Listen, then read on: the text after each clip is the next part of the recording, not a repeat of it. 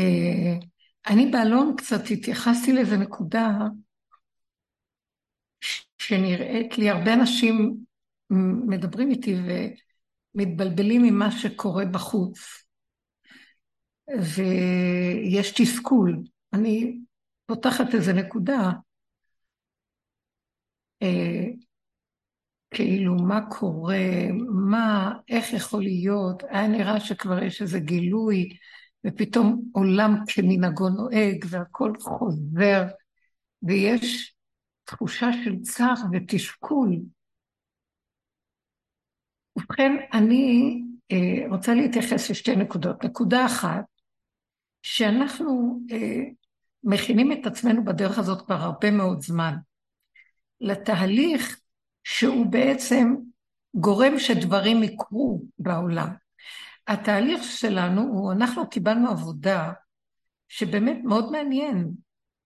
אה, העבודה הזאת מתאימה לנשמות מאוד מיוחדות, שהן בחינה של יש קונה עולמו ברגע אחד.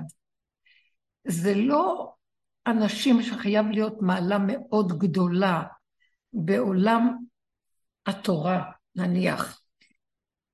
זה סוג של נשמות שמוכנות להיכנס לתדר אחר ברגע קט. זאת אומרת, אלה שהתחברו לדרך, הכירו בצורך, הם, זאת אומרת, הם איש, הצטרפו לרצון לגלות את נקודת האמת מהר. יש הרבה אנשים בתוך עולם של דעת תורה, וגם ששנים ודורות מקיימים, ובסדר הרגיל מאוד קשה להם עם הדרך. מאוד קשה להם להיכנס לעבודת אליהו הנביא, לדרך. לכן כתוב ששבעת אלפים איש נשארו שלא קראו לבעל בזמנו של אליהו הנביא, בניסיון שלו בהר הכרמל. מכל עם ישראל, שבעת אלפים איש.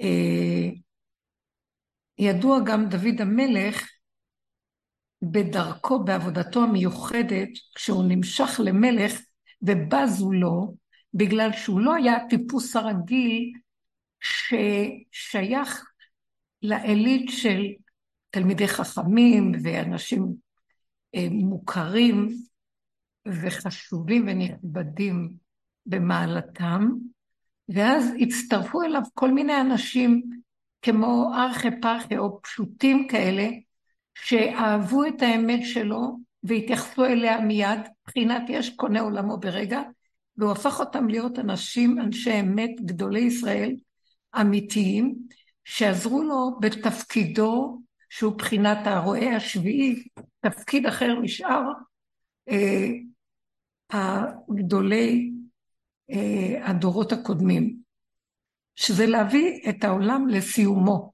לגאולת סיומו, לפדות מחקקץ ישועתו, להקים את השכינה מעפרה. עבודה שלנו היא עבודה שניתנה לנו, מה שאנחנו קוראים עבודת הדרך.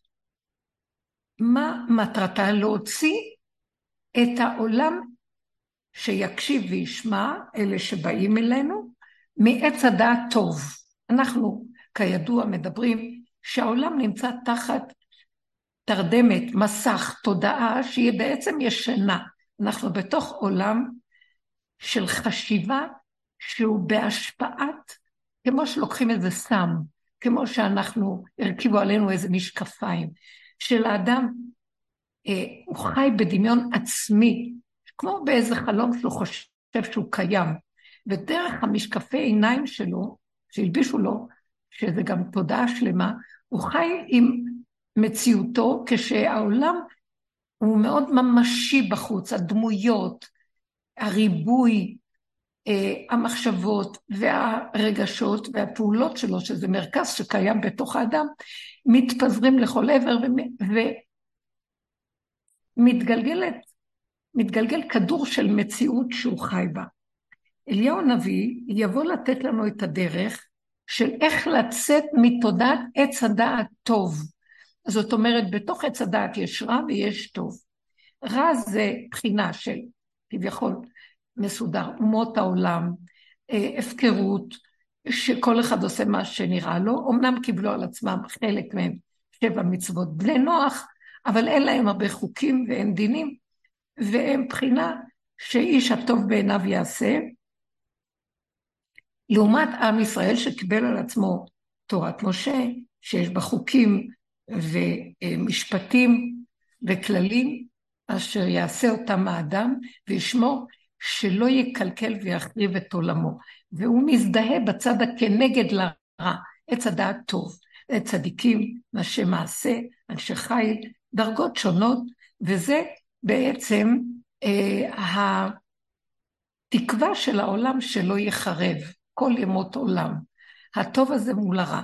יבוא אליהו הנביא ויגיד להם, חבר'ה, יגיד לאלה הטובים, אתם יודעים שבסופו של דבר, אתם עדיין בעץ הדעת. זה העולם היהודי, העולם ששומר, הבה ונצא מהמהלך הזה, כי הגאולה לא תתרחש ביסוד הזה של עץ הדעת. עץ הדעת, אחרי כל עבודה שעשינו, ועשינו לו התמרה, בסופו של דבר צריך לתת איזה נקודת זינוק ממוצא אחר ולצאת ממנו קליל, קליל ממש, שמשם יתבקע אור חדש שהוא יסוד הגאולה.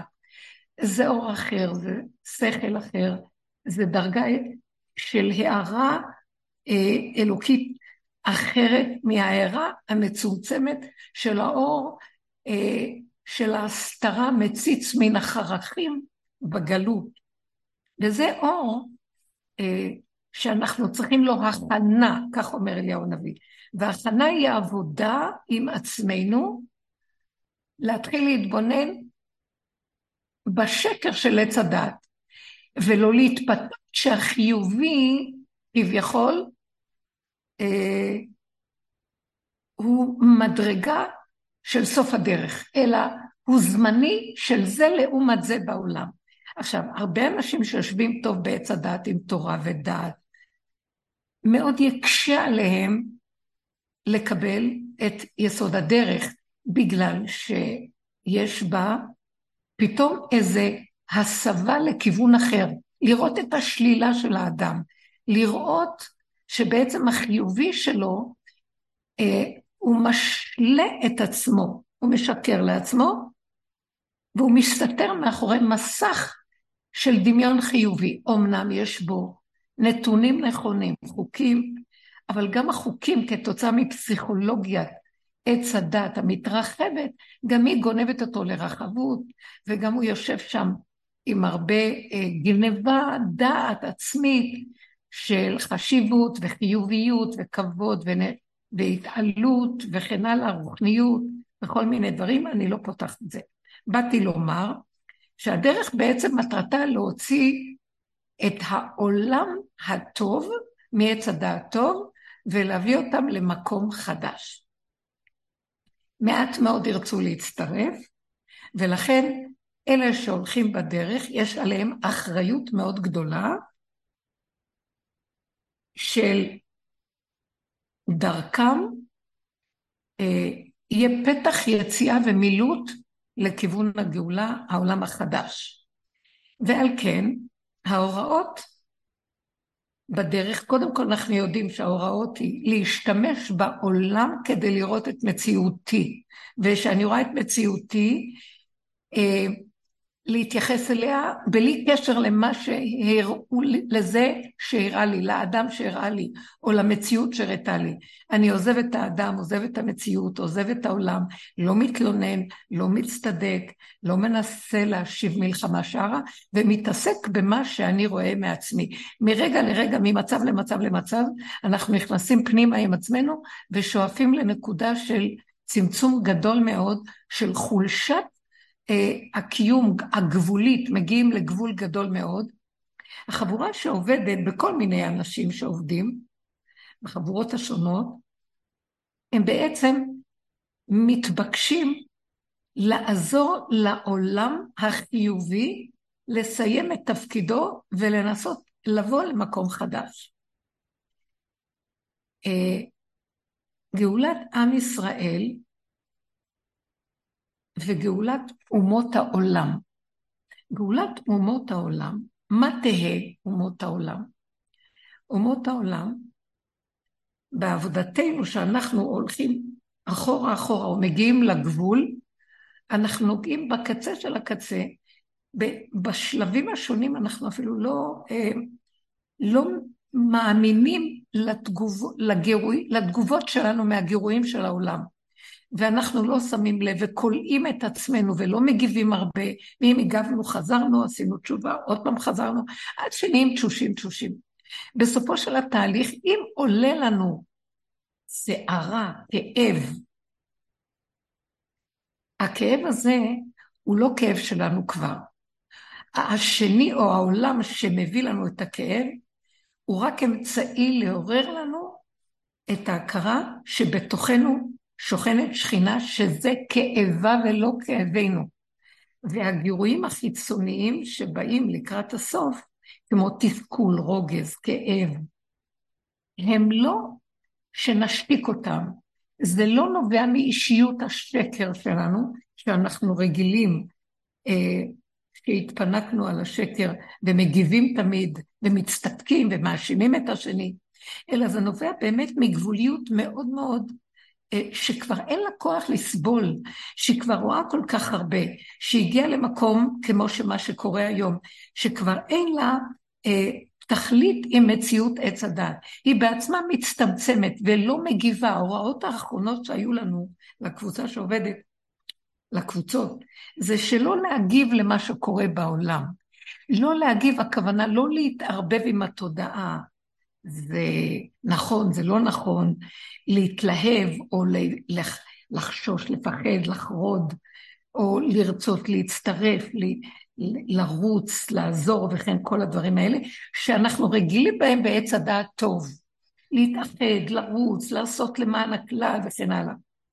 אלא אנחנו מתבקשים לאזור חי ולהיכנס בדרגת צמצום עוד יותר גדולה, שתביא אותנו לגבוליות שלנו העוד יותר אפשרית, ולחיות בתודעת שטח מאוד מאוד מצומצמת.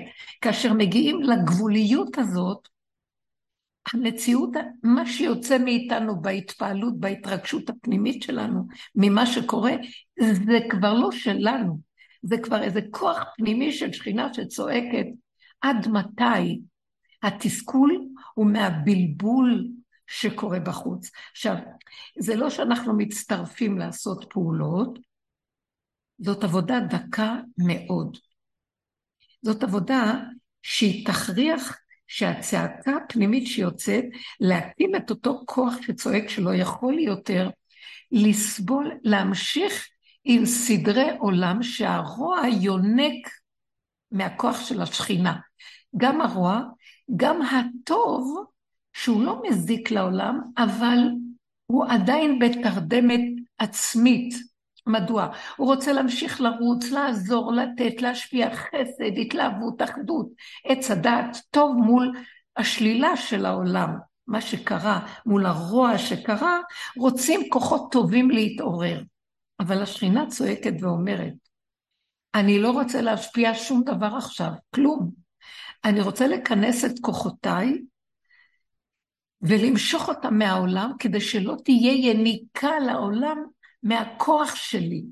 השכינה לא היא אם כל חי שמחיה את מציאות העולם. בואו נתאר אותה. זה כוח אלוקי ששמו אותו פה בעולם, ויש לו חוקים מאוד יפים, חוקי הבריאה, חוקות התורה בבריאתה הפשוטה. חוק, גבול, סדר, מידה, כבוד, יחס, שימור האנרגיה, שלא יינזק העולם, לא ינזקו הבריות, ויחיו בנחת ובמתיקות, איש תחת גפנו ותאנתו.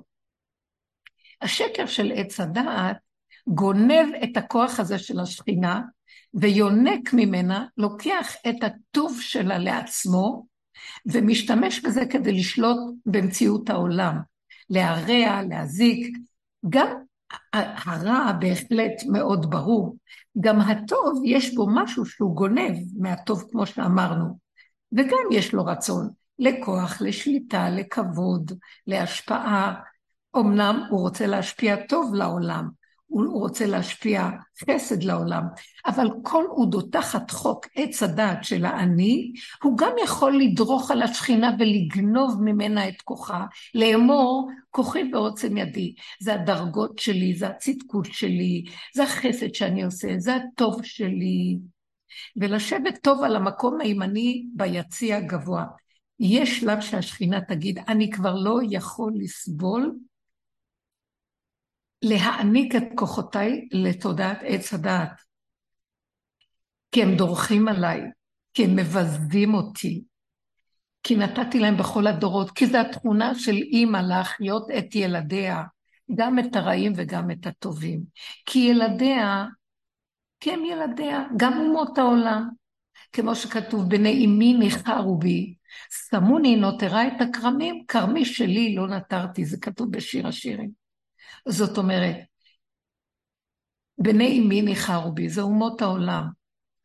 הם מנחרים אותי, כמו שהם עושים אותי אה, חורים חורים, שאני בכאב מהדליפה של האנרגיה שלי, כמו נוחר מהייסורים והכאבים ומשמיע קולות של צער.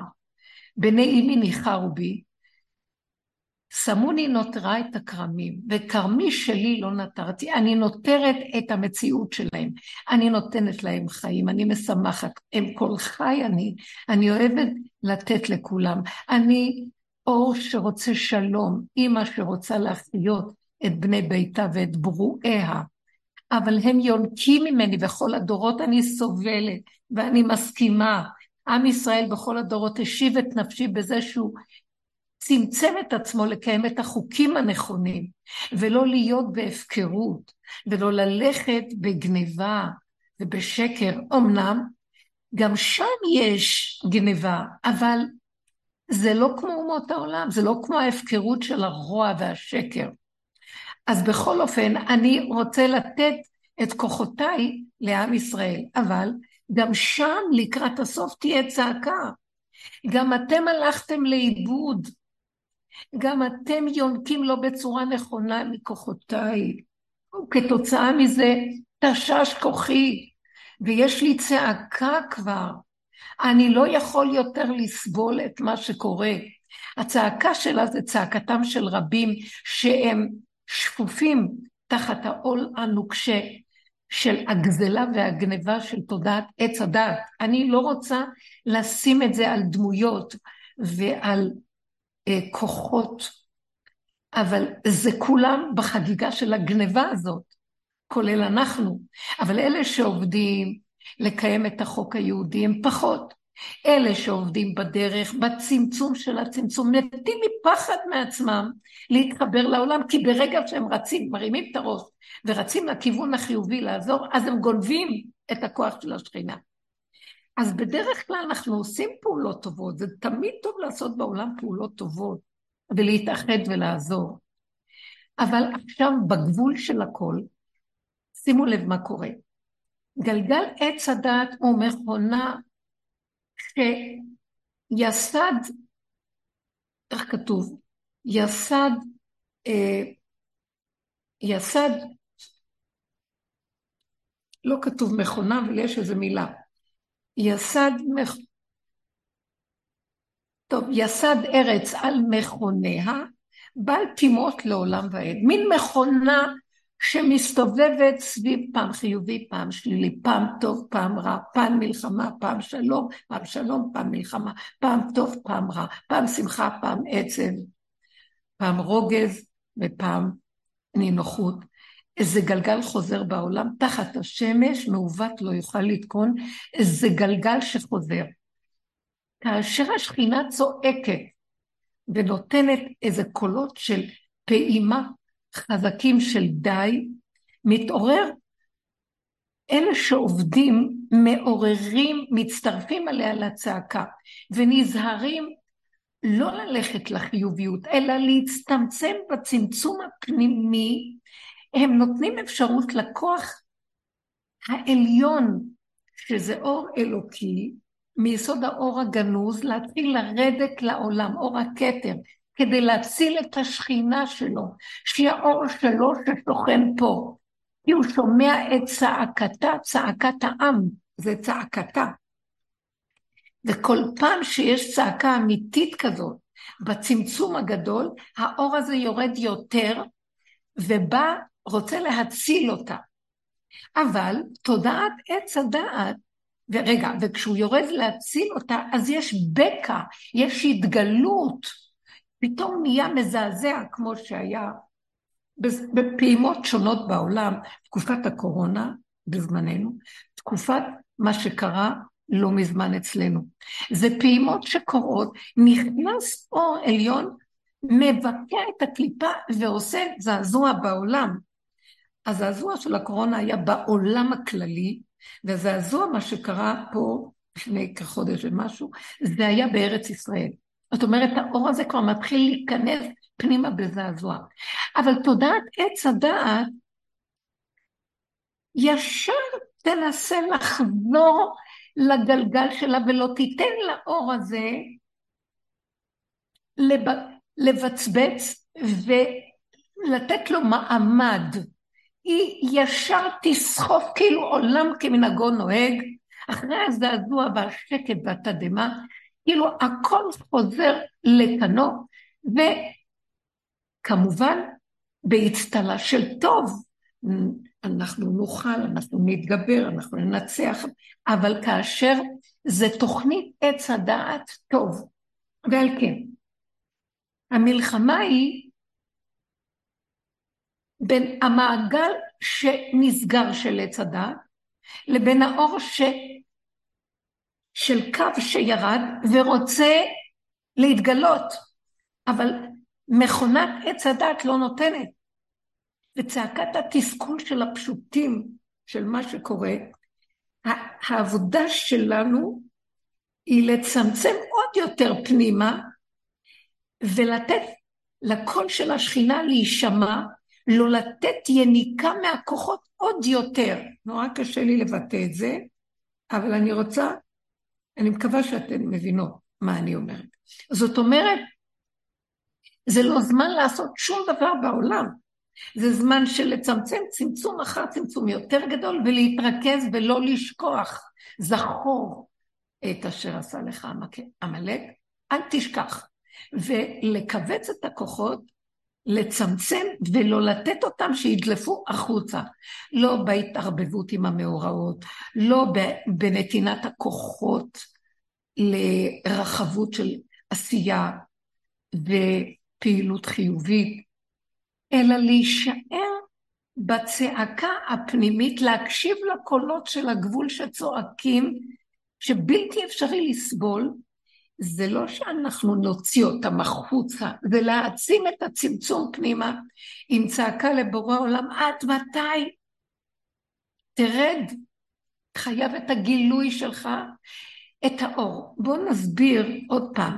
גילוי השכינה זה כוח של של אור אלוקי שחי פה, שהוא מחיה ומקיים את הבריאה. אמנם כשהבריאה מתרועעת בשלילה, גם בחיוב הגונב, זה גונב את הכוחות של השכינה שהיא כבר, אלה שהולכים בגבול, יש לה איפה לצאת דרכם ולצעוק. כאילו הצעקה שלה נשמעת אצל אנשי הגבול הפשוטים, אלה שבגבול מסתובבים ואין להם, כמו אלה שעזבו את ביתם, אלה שגרים בגבולות, בדרום, בצפון, אלה שעובדים בעבודה שלנו והם בגבול שלהם. הצעקה הפנימית היא לנוכח התסכול הנורא. מה עכשיו? לאן? אין ידיעה, אין הכרה, אין סדר עולם, אין על מה לסמוך, אין מעמד. לאן זה הולך? עכשיו, באופן טבעי עץ הדעת הטוב יכול ליפול לייאוש, האנשים יפלו לייאוש. גם אלה של העבודה שמציצים החוצה יכולים ליפול לייאוש. ועבודתנו היא לא לתת, היא לא לתת.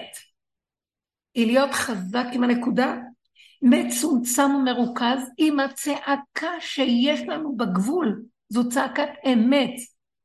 להכריח את האור שלמעלה לרדת.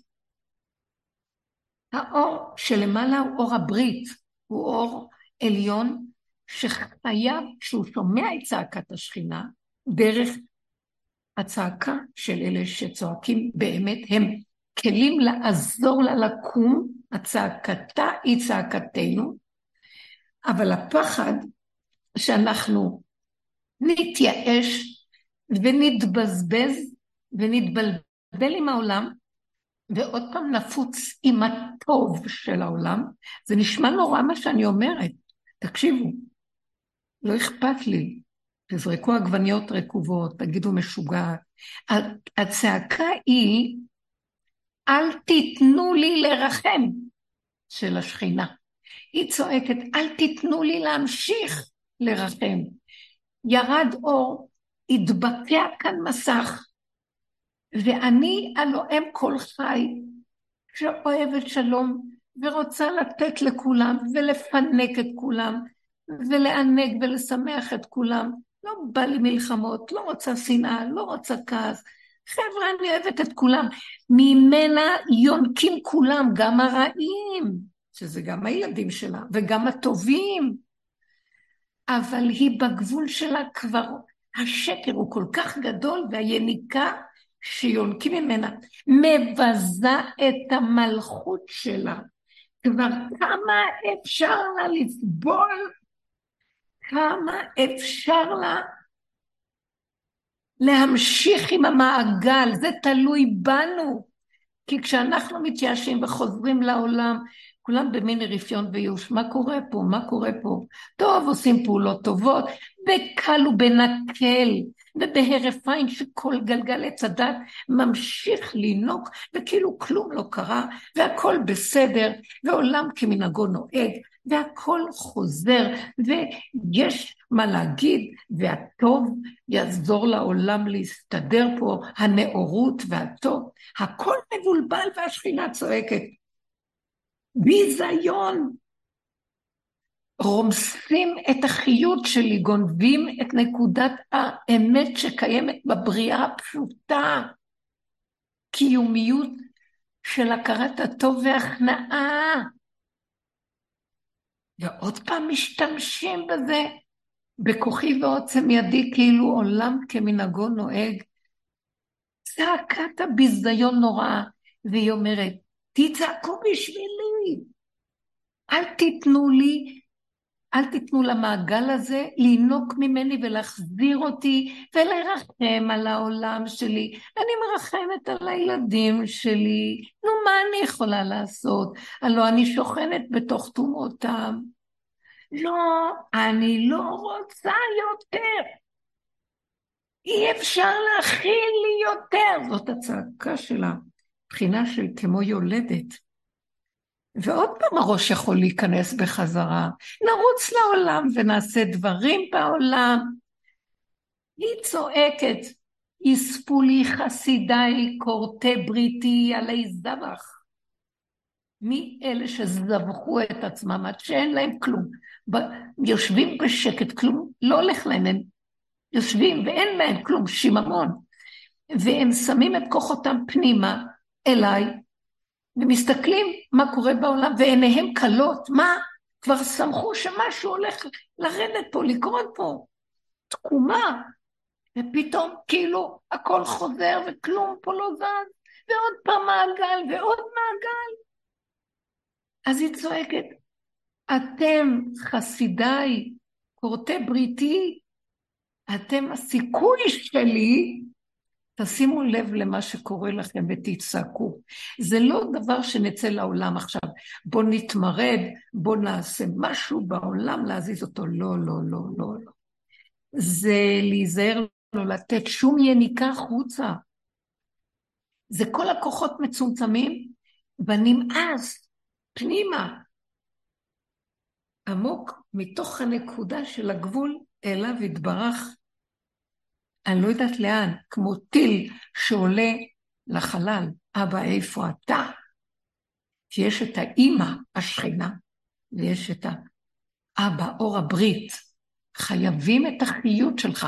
תדעו לכם שזה אותו אור, רק האור שנמצא למעלה זה כמו הקדוש ברוך הוא עם כל קדושה והשושבינים שלו, כבר יורדים לפה כדי להתחבר לכלה, לשכינה, ואנחנו השושבינים של הכלה. וכבר נפתחו פתחים, אבל כשזה נסגר העולם, ואנחנו לא במקום הנכון שלנו להביא את הכלה למקומה, אז יש המתנה עוד פעם, הכוחות עוד פעם יכולים לעלות בשמיים שם, ויהיה כאן, והיו שמך ברזל, ועוד סיבובים, ועוד מחזוריות. אנחנו צריכים להוציא את הכלה ולסדר אותה, להוציא את המציאות הזאת, ועל כן צעקות הגבול שלנו, הם לא צריכים להיות מופנים לעולם. לא רק צעקות הגבול, כל התסכול, שתי אפשרויות, או שנצעק ונתמרד, ונתחיל ל, לש, לש, לריב עם העולם, חלילה, או שנתייאש. בחלק הראשון, שניתן לעולם המשות מאיתנו, נעשה דברים חיוביים, נרוץ, ניתן, ולא נסבול, ניתן את המוח שלנו בכל מיני אה, מחשבות אה, של העולם, למה קורה, לא קורה, שזה מעורבב עם מה שקורה בעולם, וקונספירציות וכל מיני דברים. מצד אחד. מצד שני, ייאוש של חידלון, די, עזבתי, אין לי כוח, עולם משוגע, לא בא לי. ייאוש, שיממון חידלון. עבודה שלנו היא להעצים את הגבוליות והאנרגיה שנכנסת שם, ולהיות בדריכות פנימית, ורק עם סיבות לחיות, כי הסיבות נותנות לפעמים לעשות פעולות. אבל זה פעולות מרוכזות לצורך המהלך האחרון. להקים את הכוח של השכינה. במה זה מתבטא באופן מעשי? זה מתבטא שאנחנו לא, לא ניתן לעולם יניקה. לא בוויכוחים ולא בנצחנות ולא בשאלות ולא בתשובות ולא בדיבורים ולא בחברויות ולא בקהילתיות ולא בפעולות חסד ונתינה. רק להיות מרוכזים, דרוכים, וכל הזמן למשוך את המוח לפה וללב, פיך ולבבך, ולדבר, ולצעוק, ולבקש רחמים, ולהתעקש שחייב להיות גילוי שלך, להתפלל, להתפלל צד אחד, שאני לא אלך לאיבוד בעולם, ושהשכינה זה אנחנו לא נרחם על המצב ונמשיך לתת יד לכוח של העולם, השכינה צועקת, אל תיתנו לי לרחם, תצעקו יחד איתי, כי אני לא רוצה יותר לרחם. מבזים אותי, אוכלים את הכוחות שלי, יונקים ממני. זה ביזיון שאין כדוגמתו. יש הפקרות שמשתוללת בעולם, בכל הזוויות. והמעטים שהם איכשהו, או שהם מצטמצמים בייאוש לתוך עצמם, ואין להם כבר חיות, אנשי תורה, אנשי פשוטים, או הפשוטים שנכנסים בדרך, ויותר אלה, אלה שהתורה בייאוש, אלה שנכנסים בדרך גם מתבלבלים ממה שקורה בעולם, אבל אלה שבפנים בפנים חייבים להבין שזה צריך להיות כינוס של המעיים ולתת שריר חזק, ש... הריכוזיות צריכה להיות לא להסתכל בעולם. ואם מסתכלים, זה רק כדי להביא את זה לתפילה וצעקה, שתתגלה. הורדת כאן אור, והאור הזה חייב להתגלות, חייב להיות כאן מקום לאור הזה להתגלות. הוא חייב, אנחנו חייבים ללכת עם כוח השכינה שבתוכנו, זה העוצמה של חוזק לב, מידות, טבע, אבל טבע שלא רק טבע, טבע שמחפש לעורר את אור הברית. אני רוצה להסביר מה זה אור הברית. התחלתי להגיד, אומות העולם גם עייפים, יש בתוכם אנשים רוצים להיגאל. יש אנשים שרואים את הרשע ואת הלכלוך ואת השקר של העולם, ולא רוצים להשתייך. תהיה להם גאולה. והגאולה שלהם זה יהיה גאולה של טבע טוב, כמו עץ הדעת טוב, אבל בלי מניפולציות, בלי שקר, בלי גנבת דעת. טוב, פשוט טוב. אה, איש תחת גפנו ותאנתו, שמחה, רגיעות, יאכלו טוב, יחיו בטוב, יהיו שמחים, כל הרע יתבדל מהם, לא יהיו, ימותו הרעים. מה יעשה עץ הדעת טוב היהודי? איך הוא ייגאל? כי הם יבואו למקום הזה, אבל בלי עץ הדעת והתחמון שלו, הם יהיו טובים. מה אם כן עץ הדעת טוב, היהודים לאן ילכו? אלה שנותנים דרך לכיוון הפנימי ופותחים את הפתח שהראש יצא, שהשכינה תקום, והצעקה מופנית, הם כאילו השורש הזה, אני רוצה להגיד לכם, בנות, גם היהדות, שהיה לה תפקיד מדהים בכל הדורות, היא בגלות התגבשה, והיא תקועה בטוב, בתורת משה, בתורת משה זה הלוחות השניים שנכנסו בתוך עץ הדת ומבררים ומבררים ומבררים וכבר גבול עבר ועבר עוד גבול. אין קץ, הרבות להג ועשות ספרים הרבה ואין קץ. ויש ייאוש, כבר אין כוח במוח הזה ללמוד. אמנם יש שם אורחות חיים טובים, יש שם אנשים נקיים ומתוקים וטובים, אבל יש גלות. אין, אין, היסוד של האמת שם לא מבורר לאמיתו. זה מול העולם, אבל זה לא באמת מובדל לגמרי, מתבלבלים עוד מהעולם, וזה לעומת זה. אלה מחפשים גדלות, גם לאלה רוצים גדלות, רק זה ברוחניות ובמדרגות ובעבודות השם, ווי, ו- ולהתעלות ולהשיג. אז מה יעשו אלה? מה תהיה גאולתם? אלה שנכנסים בדרך, אני רוצה להגיד משהו, ואני חוזרת ואומרת, קשה לי להגיד את זה, אבל הנשמות, כאילו אני מרגישה שרב אושר שלח אותי. אני לא מרגישה, אני יודעת את זה. אה, ללכת, אני עבדתי בצורות אחרות קודם. כשהגעתי אליו עבר פרק זמן, ואחרי כמה זמן אני יודעת בחוויה פנימית עמוקה, ביני לבינו, ביני לבין בורי, שהוא שלח אותי כמו פנצטה, לדלות נשמות. לכי לדלות נשמות. תצאי. נשמות יקרות שנמצאים בתוך הקליפות, והגאולה לא תוכל להיות, צריכים אותם בשביל השלבים האחרונים של הגאולה. אלה נשמות שלא יידח ממנו נידח, ניצוצות גדולים של אורות פנימיים שהם שייכים לאור השכינה, בגובה העליון שלה. לכי תביאי, לכו, תביאו לי אותם. אני בטוחה שיש עוד אנשים שנשלחו לדבר הזה. והמציאות של הדיבורים, אני כאילו ראיתי שאיפה שאני, במקום הטבעי הקודם, לא נשמע קולי. ושם, כשהלכתי, התקבצו, השם קיבץ מהאור הזה חברות יקרות, כל מיני, גם חברים, גם חברות, ובאו לשמוע. ונשמות אדירות מדהימות, שאני עומדת ומשתוממת. זה נשמות שהמפתח בידם לסוף הגאולה. הם בחינת יש קונה עולמו ברגע.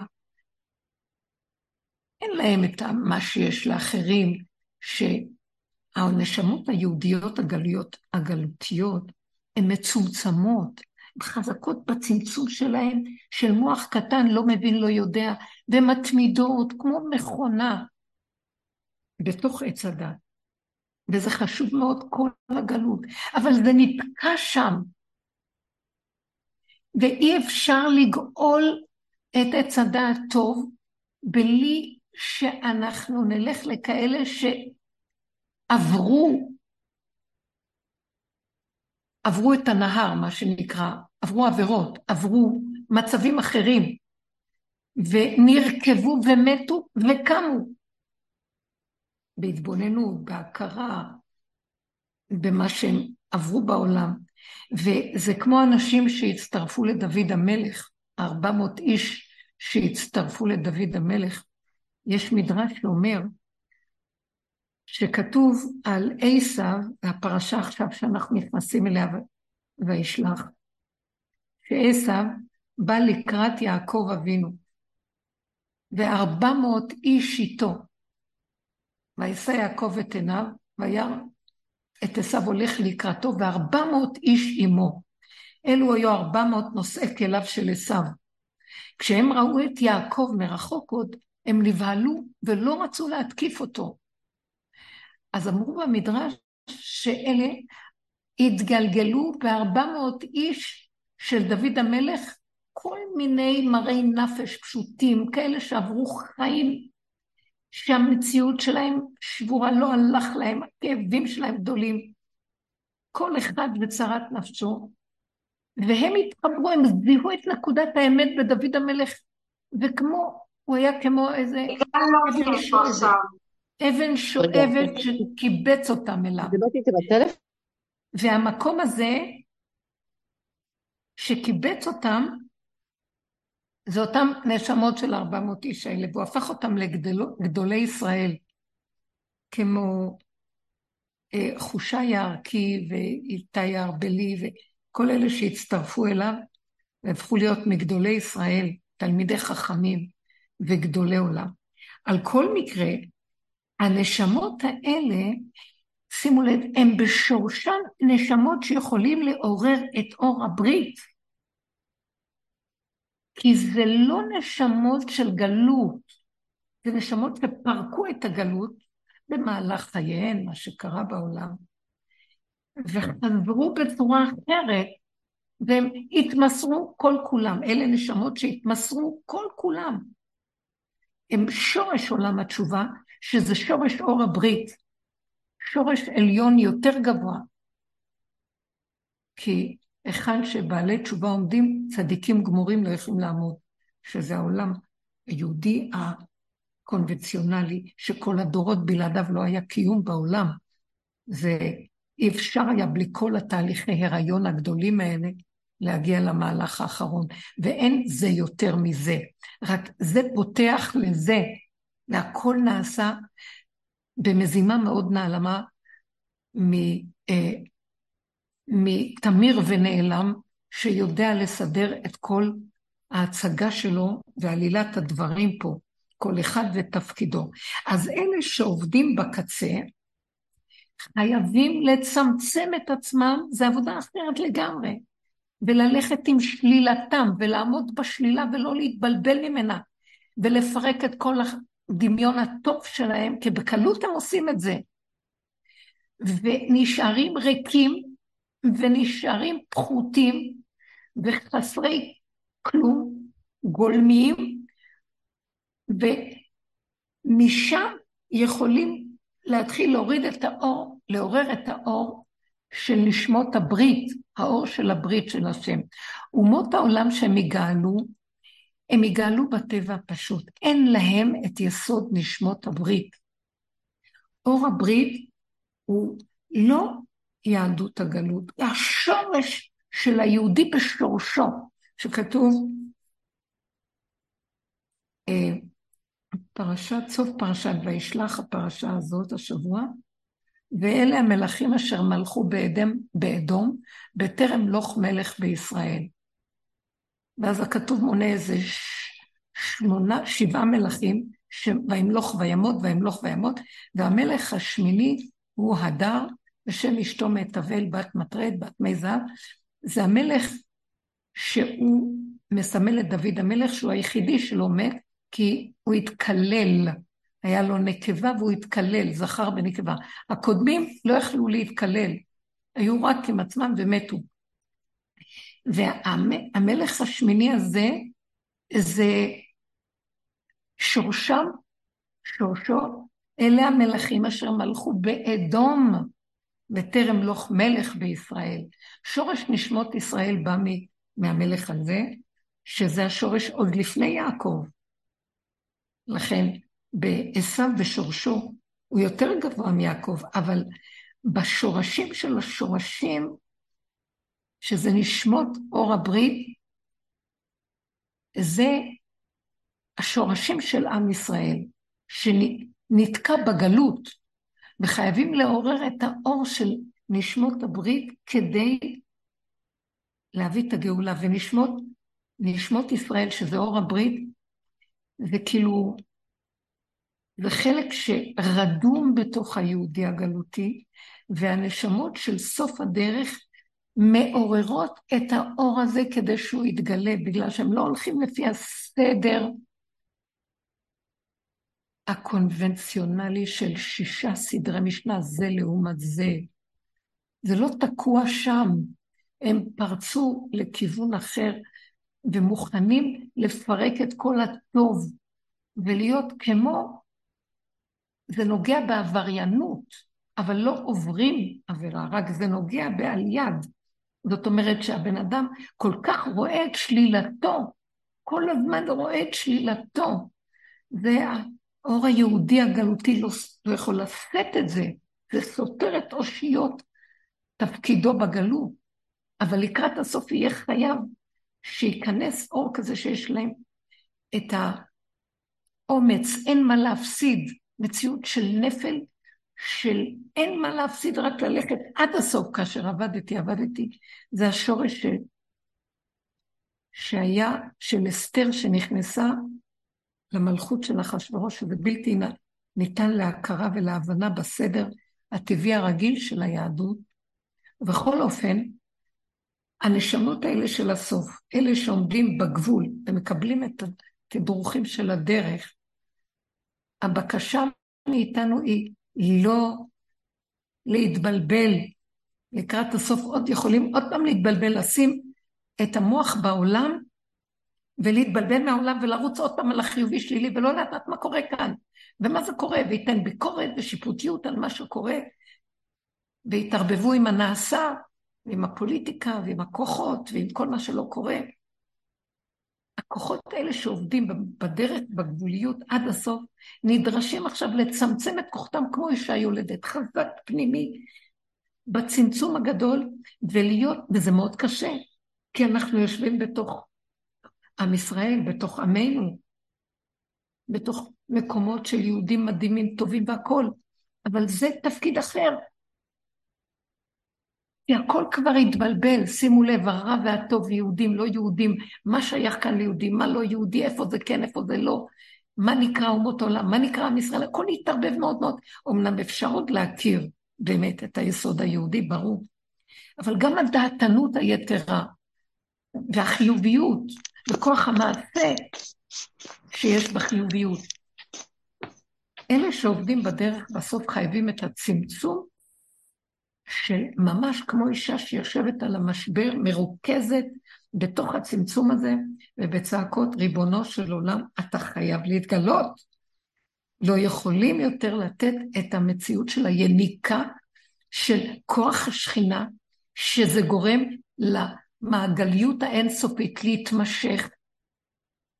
יונקים ממנה כוח, גונבים את כוחותיה, ובזה כביכול מראים שיש, אנחנו פועלים בעולם ויודעים מה שעושים. וזה נגנב למצבים שלא יודעים. זה דרדור של איזה מלך זקן וכסיל בסופו של כל התהליך הזה, שלא מוכן לרדת מהכיסא. ורק חייבים למשוך את הכוחות שלא יהיה לו יניקה, הוא יונק מהכוח של השכינה, הוא יונק מהטוב וגם מהכוח של השכינה. והטוב טיפש, שהוא נותן את היניקה שלו לעולם. עכשיו כולם צריכים לסגור את היניקה ולא לתת. כי אין מוצא למה שקורה פה. אין מוצא, אין פתרון. אלה שימשיכו ויתעקשו בעבודתם במילא הם גורמים לאפשרויות שהשכינה צועקת והם צועקים איתה ושיורד אור חדש כל פעם במעגלים חדשים. אלה שמתעקשים על מקומם, מכריחים קודם כל שלא יהיה ייאוש, שלא יצטרפו לייאוש הנורא, ושב' לא תהיה יניקה, אם זה על ידי ייאוש, אם זה על ידי פעולות, וג' להתעצם בצעקה ולבקש רק על זה. תתגלה ואי אפשר אחרת, תתגלה זה אי אפשר אחרת. זה ביזיון של המלכות, זה ביזיון של כל אלה שעובדים כל כך הרבה בדרך. מה, עוד פעם מעגל חדש פה? לאן זה הולך? אז בואו נתבדל. אנחנו צריכים כאילו לשחק אותה שזה לא שלנו העולם, זה רק כאילו. אומות העולם יגאלו, תדעו, אם אנחנו נתעקש על העבודה, יהיה גאולה. אומות העולם יגאלו, והטובים, כי ביתי בית תפילה יקרא לכל העמים. לא רוצים מלחמות, לא רוצים לשנוא, ולא רוצים לריב, הם רוצים לחיות בפשטות וליהנות. ואז הם, הם יקיימו את חוק השכינה, הבריאה, בפשטות. אף אחד לא ירצה, שום זכר לא ירצה להיות נקבה, ושום רמאי ושקרן וגזלן לא יתקיים פה. ויהיו נינוחים ונהנים מהקיום הפשוט. אבל עם ישראל, בזכות אלה שפותחים את הפתחים להתחיל להוריד אור חדש, שזה שורש הברית, יעורר בנשמות ישראל את הקטע הזה של השורשים שלהם החבויים, והם יזכו למקום אחר. זה מקום של ירידת האור הניסי. אור ניסי זה אור הוויה. לאומות העולם אין אור הוויה, אין י' כו' כ'. זה השם אלוקי ישראל בשורשו העליון. ירד אור ניסי לעולם, והנותר בציון קדוש יאמר לו, ויהיו כאן ניסים ונפלאות, ושמירה גדולה. כולם יגאלו, הטובים שבאומות העולם יגאלו, אבל זאת תהיה גאולתם, כי הם לא נזקקים לי יותר, וטוב להם, וזו גאולה גדולה, שמחה בטבע. ואילו נשמות ישראל, על ידי עבודה הסופית יתעורר איזה אור עליון מאור הברית, ויעורר את נשמות ישראל שמדוכדכות בגלות, ויצטרפו פנימה, צירוף אחר צירוף, להיכנס למימד אחר, דרגה אחרת של הכרה, אור חדש על ציון תאיר. והעולם מחכה לזה, גאולת העולם מחכה. למה? לאלה שלא התייאשו בסוף, שנמצאים בסוף הדרך, ולא התבלבלו מהעולם. תקשיבו, אנחנו מתבלבלים בקלות עם מה שקורה פה. לסגור את הכלים ולהצטנף פנימה. ולפעול לא עם מוח שתר מה קורה בעולם. גם אם אנחנו שומעים להביא את זה לצעקה. זה אנחנו שומעים כדי לעורר את התסכול שבתוכנו והצעקה. אנחנו שומעים כדי לעורר סיבה לפעולה בפנימיות אליו. וכל מה שיש בחוץ, זה צריך לקחת אותו מהר קטן ולעבוד איתו בפנים. לא להשתהות להתערבב עם מה שקורה בחוץ. זה עכשיו הזמן הזה, וזה אור פנימי חדש שמתחיל להתגלות. ריכוז מאוד מאוד גדול והתעוררות חדשה. האור החדש שיורד, הוא יתחיל, ודעו לכם שזה קרוב, רואים את זה, מרגישים את זה. וזה הכנה שלו, להתחיל למשוך את הכוחות שלנו מסדרי עולם, כוחות הדעת. אה, הממון, תפיסת החיים על הממון, שאנחנו כל כך אחוזים בממון ומבוהלים ממנו, עוד מעט לא יהיה משמעות לממון הזה כפי שהוא עכשיו. האנרגיה עכשיו צריכה להיות של אנשים שמצמצמים בתוכם, זה מתוכנו השכינה מתחילה לקום והיא מפעילה אותנו בצמצום, בריכוזיות, לעשות פעולות, פעולות יפות, פעולות מרוכזות, בלי מוח, חזק. בזמן קצר אנחנו יכולים לעשות המון, מצומצם, מרוכז, כי המוח לא גונב אותנו ולא מתיש אותנו ולא מעייף אותנו. החשבונאות פה נופלת. אה, כשאדם הולך לקנות, שיקנה את מה שהוא רוצה וצריך מבלי לחשוב זה עולה יותר יקר, זה פחות יקר, לחשבן. ללכת ולזרום עם הזרימה הפשוטה, הרגעית, הנקייה של הקיומיות, לצמצם את החיים ברגע, בכאן ועכשיו, בלי המוח שמחשבן, לשים לב למה שחשים, לצמצום הפנימי והתוואים שיחד עם הצמצום דרכם עולה, עולה אנרגיה נקייה. והאנרגיה הזאת היא חשה ולהקשיב לה, לא לתת למוח להביא ספק ולשאול שאלות ולהתבלבל, אלא להקשיב לה. היא זורמת, היא הולכת. לא חייבים להבין, לא להבין, אסור להבין. אם מכניסים עכשיו את המוח בהבנה, אנחנו הולכים לאיבוד. כי האנרגיה הזאת שקמה מלמטה ויוצאת, היא פשוטה, נקייה, זורמת. דרכה אנחנו פועלים בלי לחשוב. קטן ולעניין. ומה שבדרכנו לפעול, לא לחשבן, בייחוד ביסוד של הממון, הכל בצמצום ולא לפחד, כי הצמצום והריכוז של כאן ועכשיו, והאור הזה, האור הזה של השכינה, יתחיל להשתלב עם אור חדש שיורד, אם אנחנו נתעקש לא להתבלבל מהעולם. המלכות של הבחינה קמה, ככה היא תקום, ויצטרף אליה אור חדש. האור החדש הזה, אם אנחנו לא חיים בצמצום הפנימי, הוא, הוא לא קל, הוא אור מבעית, אין לנו, זה רק כלי השכינה בתוכנו יכולים להכיל אותו ולעזור לנו לגשר ולחבר. ועל כן צריך לבקש על זה,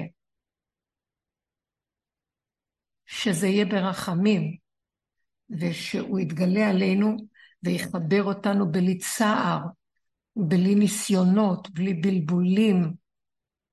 אבל אנחנו כן צריכים לעשות את שלנו להצטמצם ולהתרכז ולא להתבלבל מהעולם. שקר העולם. שקר העולם. תראו, זה נראה כאילו, מה, אני לא יודעת שיש פה עכשיו מלחמה? מה, אני לא יודעת שיש את כל הסיפור הזה? אני לא רוצה לדעת.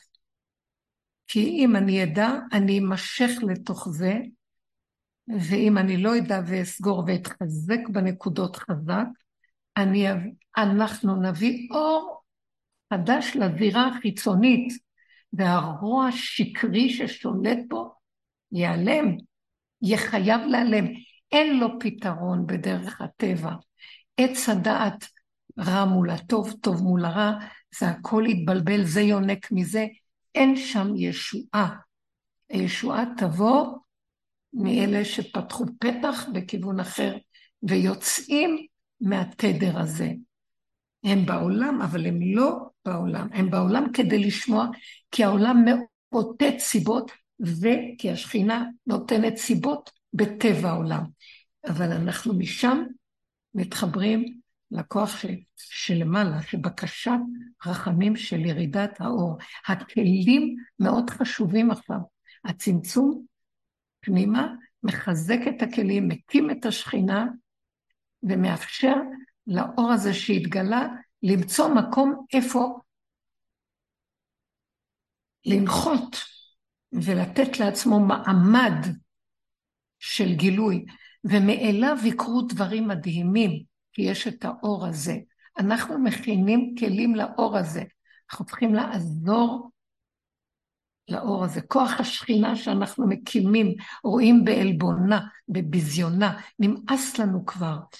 לא להתווכח, לא להתנצח, לא לריב, ולא להתכתש עם העולם. זה גונב לנו את הכוח הזה של הריכוזיות, שברור שהוא חזק, שמחליט לא עוד. זה מה שאני אומרת, מה שהשם שם לי להגיד. זה גאולה שהיא תיבקע ממש קרוב. תכינו, אומר לנו, תכינו את עצמכם. תכינו את עצמכם. ברחמים. כן, אתן רוצות לשאול משהו? כן, שבוע טוב. כן. שבוע טוב הרבנית. שומעים אותי? שבוע טוב, שבוע טוב, כן. יש לי שתי שאלות בעצם, הן די ביחד. אחד, כאילו אם אני מבינה נכון, אז פשוט צריך להחזיק מעמד עד שיקרה מה שיקרה, ו, ובעצם אה, בהמשך לזה, נגיד, לא יקרו כל הנבואות, או כל המדרשים שמספרים על כל התהליכים והפעימות שאנחנו צריכים לעבור, ואז כאילו מי שנגיד יחזיק טוב. מעמד, אז, אז אם לא ימות בעצם. אז אם שאלה אחת את שואלת,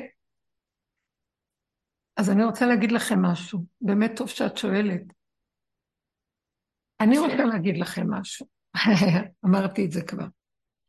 אני רוצה להגיד לכם משהו. האור החדש יורד, אור מיסוד העין, אור הברית, הוא יותר גבוה מהנבואות. אם אנחנו נתעקש להקים את השכינה שבתוכנו חזק, ולא ניתן את הרחמים של השקר שעוד פעם מעגל עץ הדעת יינוק מאיתנו. תבינו מה אני אומרת. אנחנו נתעקש להקים אותה, התקומה שלה תוריד את האור הגנוז. התקומה הזאת תביא אור כזה שלא חייב שמה שאמרו הנביאים יתקיים. כלומר, הם אמרו אמת, שכל דבריהם אמת. אבל ביד הנביאים אדמה, כך כתוב, שהנביאים בעצם הם באים מהיסוד של אספקלריה שאינה מאירה. בואו אני אגיד לכם, אנחנו דיברנו על זה פעם. סליחה שאני חוזרת ואומרת, בואו אני אגיד לכם, זה יוצא לי לבד, אני לא מתכוונת שאני אומרת לכם. מי אני בכלל שאני אגיד לכם? אבל זה יורד לי ככה. באמת, אני מרגישה ש... חז"ל אמרו שכל הנביאים מתנבאים באספקלריה שאינה מאירה. משה רבנו מתנבא באספקלריה המאירה. ומה ההבדל בין אספקלריה שאינה מאירה לאספקלריה המאירה? שכל הנביאים מתנבאים וסוברים שהם יודעים מה הם מתנבאים. ומשה רבנו מתנבא ויודע שאינו יודע. שמתם לב להבדל? כל הנביאים מתנבאים מתוך דמיון שהם חושבים שהם יודעים. למשל, אם אני זוכרת בנבואת ירמיהו, אומר לו השם, ירמיהו, מה אתה רואה? הוא אומר, מקל שקד אני רואה. ואז אומר לו השם, שוקד אני על דברי לעשותו. זאת אומרת, הוא מראה לו סימבולים, ציורים, ואז הציורים האלה, דרכם השם מסביר מה הוא רוצה להגיד, איזה מסר תעביר לעם ישראל. משה רבנו, וזה נקרא אספקלריה שאינה מאירה, דרך סימבולים, דרך ציורים, דרך דימויים. משה רבנו עומד והדיבור מדבר אליו, והוא אינו רואה תמונה. לא יודע. יוצא לו הדיבור. והוא לא שואל, מאיפה הדיבור הזה? מה הדיבור הזה? למה? מה אני מתכוון? לא מתכוון. מה זה, מה אני צריך לומר? לא לומר. מה נכון? מה? הוא מדבר והוא לא יודע מה הוא אומר, הוא לא יודע מאיפה זה בא, הוא לא יודע מה זה זה ולא יודע כלום. בלי תמונות. זה נקרא ספקלריה מהירה. זאת אומרת, הוא בעצמו לא יודע. כי הוא כבר במקום שהוא לא יודע, הוא מדבר מיסוד הוויה, האור הגנוז, יסוד הברית. והם מדברים מיסוד אחר, מיסוד של השכינה, של הטבע, שכינה הילאה. וזה מה שאומר גם בפרשת וארא, בספר שמות, שהשם אומר למשה רבנו, ואני וארא אל האבות, אברהם, יצחק ויעקב, בשם שקי, ש"ד י', ובשם הוויה לא התראיתי אליהם. זאת אומרת, אני דיברתי אליהם כמו שכתוב בחזון, או בברית בין הבתרים, על אברהם אבינו כתוב, שהוא נכנס למצב של נבואה, והנה אימה גדולה וחשיכה גדולה נופלת עליו, ואז הוא התחיל לקבל נבואה, שמע את הקול של השם. או יעקב אבינו בסולם יעקב, וכן כל מיני נבואות שניתנו דרך מציאות של כל שקי, שזה יסוד השכינה טבע, הגבוליות של הטבע, שיש בה חוק הציור, חוק הגבול, חוק הטבע. משה רבנו פורץ לגדר אחר לגמרי, שורש נשמות ישראל, שורש הברית, שורש שזה אור הגנוז. אין תמונות, אין דימויים, אין כלום. צינור חלול, בלי אמצעים. עכשיו, כשאת שואלת את השאלה, הנבוא, הנבואות שיש, ואני מאוד אוהבת את הנביאים ומתפתה להיכנס שם, ואני יודעת, וקראתי, זאת אומרת, נבואות עתידיות בזכריה, פרק י"ד, ויחזקאל, ל"ז, יש גם בדניאל, ויש בצפניה, יש נבואות שמספרות לנו, והנבואות חוזרות על עצמן וחופפות, ויש אמת גדולה בדבריהן. אבל אם אנחנו נתעקש, אולי לפני שאני אגיד את הדבר הזה, והנבואות האלה, הן מדברות על מצבים לא פשוטים שיהיו פה. שיהיה מצבים של זעזועים גדולים, ועם ישראל יהיה נתון בפחד, ואומות העולם יתקבצו לכאן, ותהיה מלחמה גדולה ביניהם. זה מופיע בכמה נבואות, העניין של גוג ומגוג.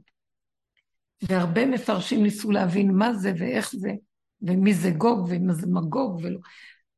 אה, רבנו סעדיה גאון מדבר שזה רוסיה, ועוד כמה אומות יחד איתה, לעומת אדום, שזה כל מיני כאלה, אני לא נכנסת בזה. ויכול להיות שכן ויכול להיות שלא. מה זה תלוי? אם אלה שנכנסים בעבודה עמוק עמוק ומתעקשים להקים את האור של השכינה, וחזק חזק, תקומת השכינה, כלומר, ללכת עם הגבוליות שלה ולצעוק שלא רוצים יותר שיהיה פה יניקה מהשקר. כולל העבודה שלנו. לא לתת יניקה, לא לתת למוח שלנו ללכת ולהסתכל מה קורה, לא קורה, וכן, אפילו שהוא כן זז, מיד להחזיר אותו למקום שלו. וכן לא להתווכח ולא להתנצח, ולא בעולם, לנקר את מציאות העץ הדת של העולם, טוען ונטען, וזה וזה שווה זה, וחשבונאות, וכן ולא, ומה נכון ולא נכון, ולמה וכן וכמה ואיך. כלום, לצמצם את המוח חזק בנקודה, ואם נפלנו, קמנו, קמנו, נפלנו עוד פעם בצמצום, ולהיכנס לגבוליות, גבול אחר גבול, ולהישאר ממש ריק וכלום. והשיממון הוא גדול, אבל הפה, פותחים את הפה ומדברים להשם, וזה מפיק את השיממון, ומתחילים להרגיש שכינה בתוך הפה. מתחילים להרגיש את האור הפנימי. ואז יוצאת צעקה, היא צועקת, נמאס לי, אני כבר לא יכול יותר, אי אפשר יותר לחיות ככה, ת, תצעקו בשבילי, שאני לא אכנס למעגל של רחמים ואתפתה להניק ולהעניק ממציאותי, כי זה טבעי לתת לעולם ולהחיות אותו, בשביל זה שמו אותי בעולם. אבל אני לא רוצה לתת לעולם, והעולם דורך עליי, מכה בי, משפיל אותי. אני גולה וסורה, עייפה, מרוטת לחי וצער, יונקים ממני ומצערים את החיות האנרגטית של הבריאה כתוצאה מהשקר והש... ואין משפט ואין צדק ואין יושר, ויש רוע ויש בלבול, וגם הטובים, הם עשו לי טוב בכל הדורות, יותר טוב ממה שהיה בעולם, אבל הם יושבים נדהמים, ואין לפיות כבר שמה יותר. תתעקשו לצעוק את צעקתי ולמשוך אותי החוצה בגלגל אחר, שאני לא עוד פעם אתערב בעולם.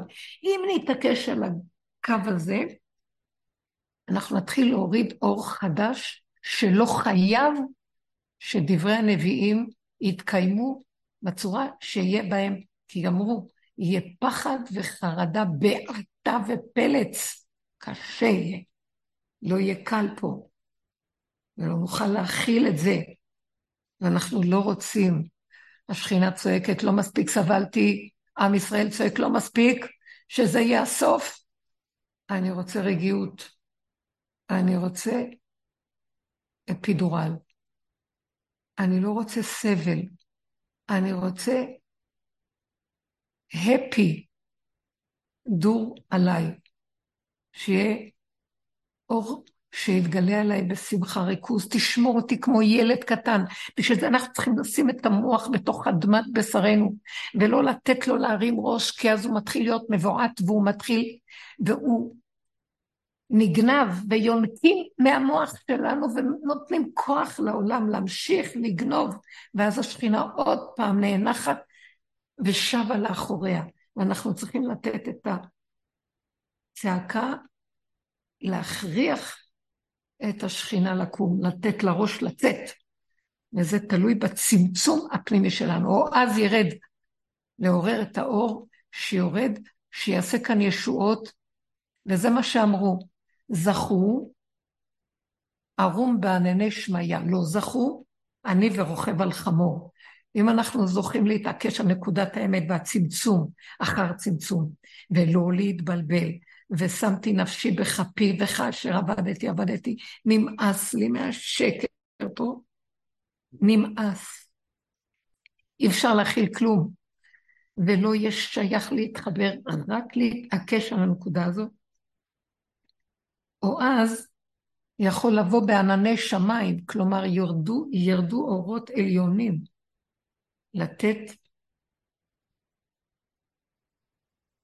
להיכנס לתוך הכלים של השכינה, שזה כלי הצמצום החזקים, ויהיה אור חדש על ציון תאיר. ואפילו אם בעולם יכול להיות דין, ודין קשה בכל מה שקורה מסביב, אבל הם יהיו ספונים, אלה שהולכים ככה, כאילו עטופים בענני כבוד וספונים ושמורים, וזה מאוד מאוד חשוב. ואם לא, כמו שאת אומרת, אז יכול להתקיים גם דברי הנביאים, שזה אני ורוכב על חמור. שיהיה פחד ויהיה חרדה ויהיה אימה ויהיה בעתה ויהיה צער ולמי יש כוח לזה, רבאק? אין לי כוח, אני לא מוכנה. אני לא רוצה. אלה שמתנדבים לתת את העבודה בפנים, חוסכים את המכה בחוץ, וזה דבר ידוע וברור לכל אלה שהולכים. וכבר ראינו בתוכנו גילויי שכינה, וראינו את המתיקות והערבות שהיא מחיה אותנו. כשאנחנו מתנדבים לסבול מבפנים את הצמצום שהוא לא קל, אז אנחנו מתבדלים ויש שמירה, ולא מרגישים את הכאב, את החרדה הנוראה ואת הסבל. אבל אם לא, אז זה קשה. ולא רק זאת, שאנחנו ניפול שם, גם לעולם לא יהיה מזור. ואם אנחנו כן, וניכנס בצמצום, נוכל להוריד אור שיכול לעזור לעולם אה, להיגאל ברמה אחרת. וזה רב אושר היה אומר, כמו שהם עושים חילות לצבא, היה אומר, כמו שהציונים עושים חילות לצבא ולכוחי ועוצם ידי, אנחנו נקים את צבא, השם צבא הגאולה. לעשות חילות לעבודת הדרך ולהגיע למקום הזה של הצמצום וההתבדלות פנימה, זה חוכמה. זה לא נקרא שאנחנו מתבדלים מהעם. בשעה הזאת נדרש משהו אחר. זה כמו זמן לידה. כל זמן ההיריון, אמא נמצאת עם ילדיה בבית, והיא נותנת להם לאכול לא קלה, צריכה מדי פעם לנוח, אבל היא מטפלת בילדים, הולכת לעבוד, עושה דברים, מביאה פרנסה, מסדרת. כשמגיעים, מגיע, מגיעים הימים שלפני הלידה, כבר אין לה כוח, מתחילה לפרוש קצת. אין לה כוח לטפל כל כך בילדים, אין לה כוח לטפל בבית, אין. כשהיא הולכת ללדת, לא כל שכן. היא לא דואגת לילדיה עכשיו, היא לא יכולה לחשוב מה איתם. היא חייבת לצמצם את כוחותיה ולהיכנס במקום של התרכזות פנימית אך ורק לתהליך הלידה. וזה נחוץ וצריך ומחייב המציאות למקום הזה, לטובת כולם. אל תדאגו. אנחנו לא מתבדלים, אנחנו לא, לא אכפת לנו, אנחנו נדרשים ללכת להביא משהו אחר, להקים כוח פנימי שיעזור לכל הבלגן פה. תאמינו בזה, תחיו את זה. דרך אחרת אין. וכי תגידו לי שמה שקורה בחוץ, יש לו כן פתרון למצב? או אם נפתח איזה אפיקים בתוך פתרונות העולם והטבע, כן יכולים לסדר את המצב? זה לא. כולם מרגישים בעליל שהכל תקוע ואין איתנו יודע עד מה, ותלויים ועומדים. אז זאת השאלה ששאלת. אז אפשר, אפשר לדלג את כל זה פשוט, ומה, להגיע ישר לגאולה? כולם יישארו, נעבור תודעה, נגיד, בעזרת השם, ונגיע ישר לחיי נצח? נגיד... אולי הלכתם לישון או שאני הלכתי לישון? את שומעת אותי הרבנית? את שומעת? אז בסדר, אני אמשיך לדבר כי אני רואה שאני לא מצליחה. אה, ברוך השם שאתן שומעות. על כל מקרה, הנקודה שנמקד אותה ונסכם את מה שדיברנו, זה שנבין שהגאולה האחרונה היא לא כמו שאר הגאולות, היא גאולה שבאה מכיוון אחר. היא דומה לגאולת מצרים במשהו, שבאמת גם כן נשלח משה רבנו מ... מיסוד האור הגנוז. אבל גאולת מצרים הייתה גאולה שלא יכלו עם ישראל לתת שום דבר מעצמם בעבודתם.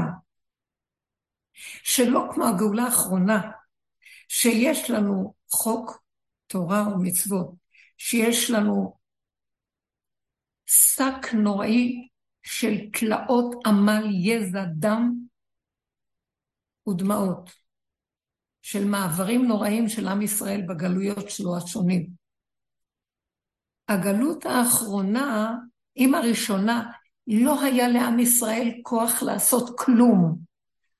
כעובר במעי הבהמה, ככה אמרו חז"ל. לא היה לו שום עצמאות, שום דעת, שום חיות מעצמו. היה צריך לבוא, להוציא אותו, לגאול אותו, מתנת חסד בחינם. הגאולה האחרונה לא תהיה אותו דבר. הגאולה האחרונה תדרוש עוד נקודה של עבודה בבחירה של הסוף, וזו עבודה שאנחנו עושים, שלא כולם, האליטה של עם ישראל לא יכולה להיכנס בה, האליט של אנשי תורה ודעת תורה לא יכולים להיכנס בה. זה רק הפשוטים ואלה שבגבול שלהם שעברו את מציאות של נפילות חייהם בהכרה, ומגיעים לגבול ולקצה, נשמות שיש בהן שורש גבוה מאוד, שנגנב. אלה ישובו ומאלה ייפתח, כי הן באות מכיוון אחר, כמו שהסברתי. אלה יהיו חייבים לתת, וכמובן שיש גם, כמובן, בתוכם גם כמה מהנשמות של הגלות, שהן כמו אור הבעל שם טוב, אבל הם היו נשמות חדשות, מסגנון אחר, ואלה יצטרכו לתת, רב אושר וכל החבורה שלו, וגם כל מיני שהצטרפו, וכל מיני אנשים, אבל הנידחים בסוף שבאים, ואלה שמתקבצים לדרך, ונותנים ברצינות, ממש את עצמם, כאילו אין להם כבר חשק לחיות בחיים, הם צריכים להגיע למקום שנגמר להם החשק לעולם, שהם לא יכולים לסבול עולם, שזה כבר לזרה היה לנו, שכבר נכנסו בדרך והמיתו את כוח עץ הדת שכבר ממש נגמר להם הרצון והחשק. אלה אנשים שהם, יש להם, כאילו אין להם מה להפסיד, יש להם גבוליות מזעזעת, והם בהתאבדות לקראת הסוף. אם נשים את הפנים לכיוון הסופי, אבל אנחנו יודעים, אלה שבשיממון הזה של העולם, השמימו עליהם את העולם, הם לא אנשים סתם, השכינה מאירה להם, היא משמחת אותם מבפנים, אחרת לא היה לנו כוח להמשיך את הדרך הזאת. אז עם הכוח הזה להעצים אותו, של השכינה שבתוכנו, וניתן לו הקולות שלה והקולות שבגבול שלנו נשמעים, זה בגאולה האחרונה יעורר אור של אור הגנוז שמשה רבנו השתמש בו, זה יעזור לגלות את האור של משה רבנו של הדור, משיח. זה קורא לזה, תהום אל, אל תהום קורא לכל צינוריך. בתהום הזאת קוראת לתהום הזאת, משם יתבקע ויעלה מציאות חדשה שנדרש הכוח של הבחירה של אלה בסוף כדי להוריד את האור החדש הזה, לאפשר שהגאולה תהיה בצורה אחרת. וזאת תהיה גאולה שונה, א', שזה לא יהיה כמו גאולת מצרים, שלא הייתה בחירה, ולא היו כלים, ולא עבודה, ולא דעת, ולא שום דבר. ב', אם שם יצאו בבהילות, בחרדה, בפחד, האור הגנוז ירד בעשרת המקום ובמכת הבכורות ובקריאת ים סוף, והוא ירד מהר, מהר, מהר, מהר, מהר. בבהילות יצאנו ממצרים. היציאה המהירה הזאת לא תהיה ככה בסוף הגאולה האחרונה, בגלל שאנחנו כבר עם כלים אחרים, ובייחוד אם יהיה קבוצה שתיתן את נפשה, תזדרק עד הסוף. מה שברובדים הטובים של היהדות לא יסכימו לתת, אלה שישימו את נפשם מנגד בבחינה של מה יש לי להפסיד, כי התרוקנו כל כך. אלה יאפשרו שהאור הגנוז ירד ויהיה לו איפה לרדת, אז לא יצטרכו למהר, ולא יהיה שבירה, ויהיה בנחת ובשובה תיגאלון. וההרים והגבעות יפצחו לפניכם רינה בכל עצי השדה עמך וכף. ככה תהיה הגאולה האחרונה. זה כתוב בנביא. במשובה ונחת, בשובה ונחת. כמו תינוק ששם את מוחו בתוך בשרו ולא יודע כלום. ולמקום כזה האור הגנוז יאיר את פניו, ולא יפרק לו את העצמות, כי שכינה קמה איתנו. במצרים לא הייתה שכינה איתנו. משה רבנו במדבר צעק להשם שחייב להוריד שכוח השכינה יהיה בתוך עם ישראל. השכינה נמצאת בעולם, אבל היא לא קשורה, היא מחיה את העולם, ולכן העולם יכול לינוק ממנה ולקלקל.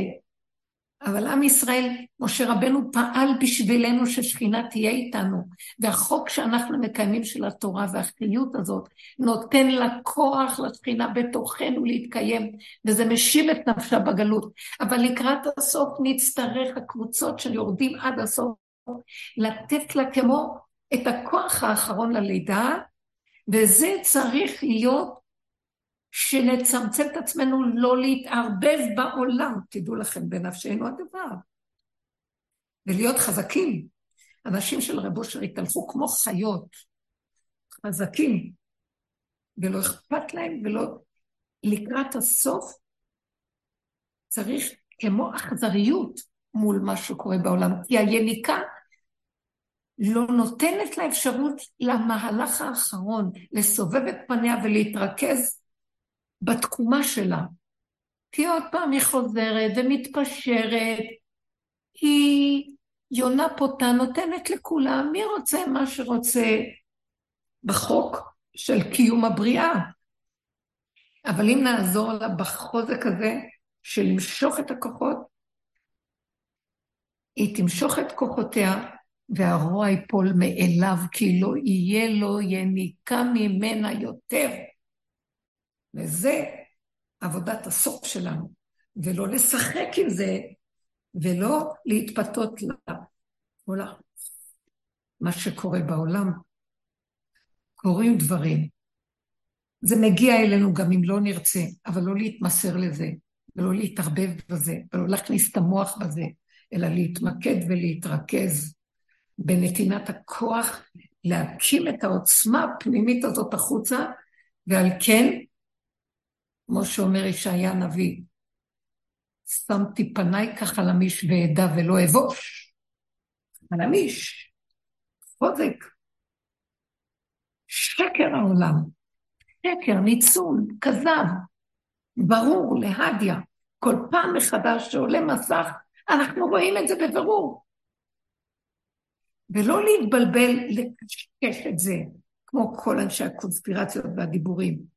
וגם לא להמשיך להיות פטי, להתערבב ולרוץ. יש לנו דרך, יש לנו כיוון, יש לנו מקום